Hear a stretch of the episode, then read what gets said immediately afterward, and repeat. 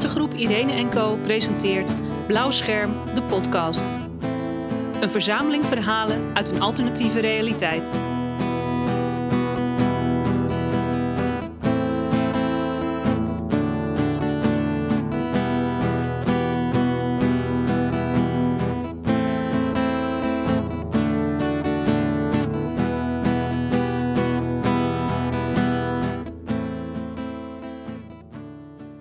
Mijn naam is Henk Niemandsverdriet. Ik werk op kantoor bij een zorginstelling en speel in mijn vrije tijd graag gitaar. Vroeger was ik best links en ik vraag me wel eens af wat er gebeurd is met onze protestgeneratie. Zeker nu ik al die creatieve demonstraties van de milieubeweging zie.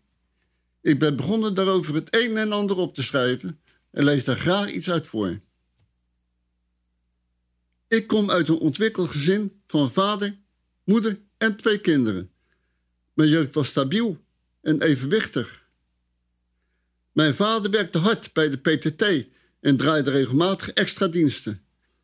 Moeder had, voordat de kinderen kwamen, pianoles gegeven. Dat was voor die tijd erg progressief, want de meeste vrouwen stopten direct na een huwelijk met werken om een gezin te stichten en zich aan de opvoeding van hun kinderen te wijden. Vader sneden op zondag het vlees en zaten de rest van de week na het werk achter hun krant verstopt. Mijn moeder had op het conservatorium gezeten en was geïnteresseerd in politiek en de maatschappij. Dat stak ze niet onder stoelen of banken. Ze was blind en daarom lid van de Blindenbond. Ze had een abonnement op de Blindenbibliotheek en las populair wetenschappelijke braille tijdschriften. Ook ging ze regelmatig naar het Rotterdam Philharmonisch Orkest. Daarnaast stond elke zondagmorgen het radioprogramma De Wereld van Zondagmorgen op van meester G.W.J. Hilterman.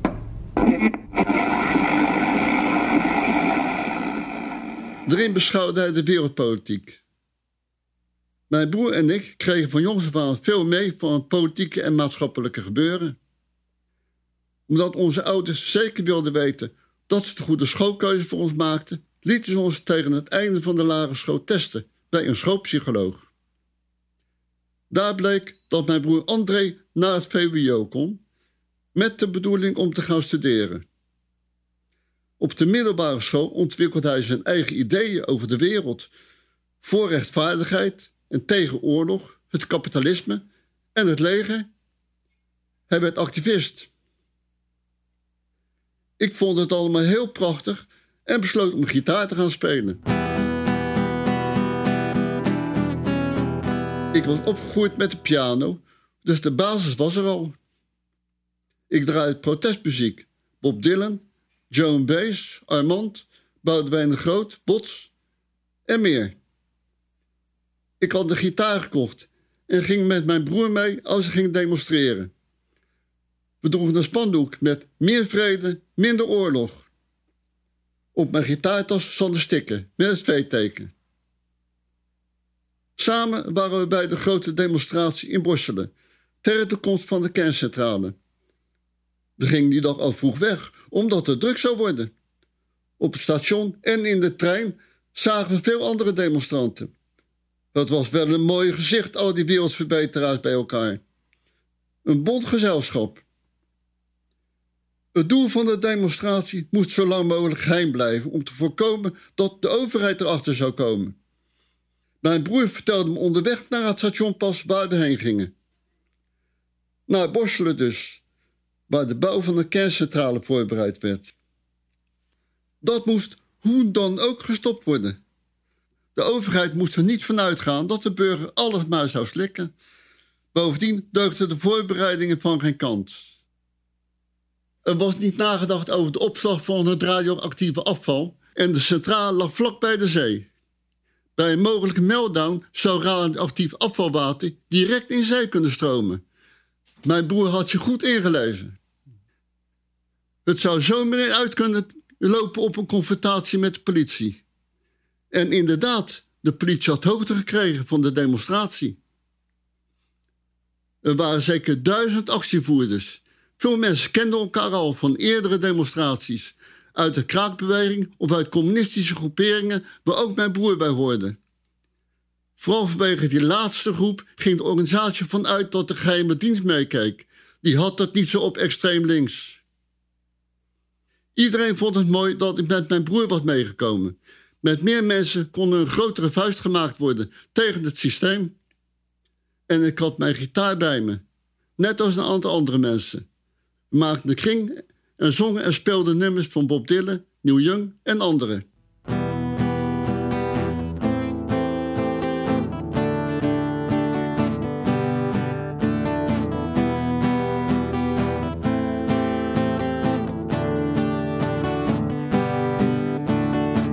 Must protect the world to show me care. She's a mother, she is caring for us all. door de shed life er så det the new Eden for us all? så. Man fattig the trees and let them grow. It is til som mødte camp for us now Man fattig let yourself and let us stray Go protect the Eden now Brothers preserve the earth and join us now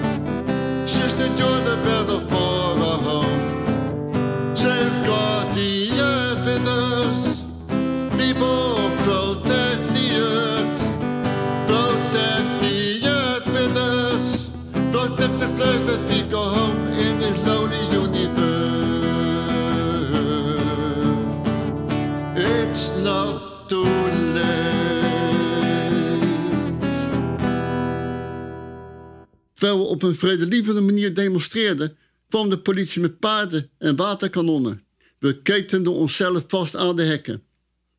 Er waren moeders met kinderen bij. Aan het einde van de middag besloot de organisatie om de demonstratie te beëindigen, om te voorkomen dat het uit de hand zou lopen. Een behoorlijke anticlimax. Een aantal mensen gingen het dorp in om ergens wat te drinken of een snackbar op te zoeken.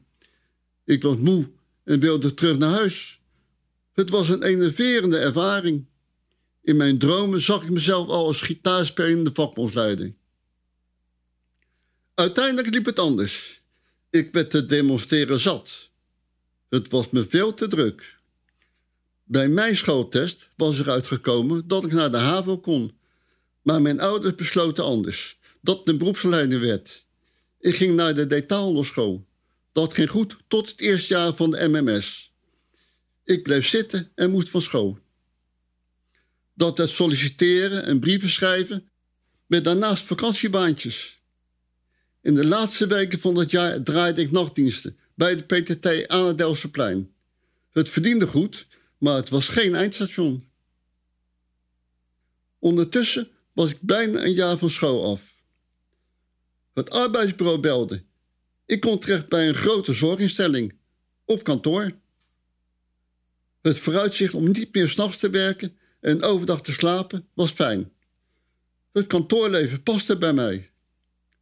Op een groot kantoor werken met veel collega's. Bovendien kon ik ook weer allerlei cursussen doen om mijn vakkennis te vergroten. Toch weer in de schoolbanken. Het kan verkeren. Ik begon achter de typemachine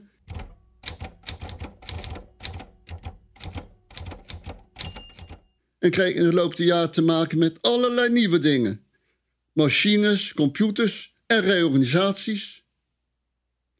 Natuurlijk bleef ik gitaar spelen, maar dan wel in mijn vrije tijd. Op een zeker moment zat ik op het gebiedskantoor om een vergunning aan te vragen om op straat te spelen. Ik was niet de enige, het was een drukte van belang. In de hoek van het gebiedskantoor stond een alternatief geklede dame. Ik had bij de zorginstelling wel vaker van die types gezien. Ze deed bedenken aan de activisten van, van Willeer. Hanenkammen, kettingen, spijkerjacks, vol met speltjes, haren in de meest gekke kleuren. Ze intrigeerde me. Ik had het gevoel dat ik er ergens van kende. Heel even stond ik weer met mijn gitaar op de barricades.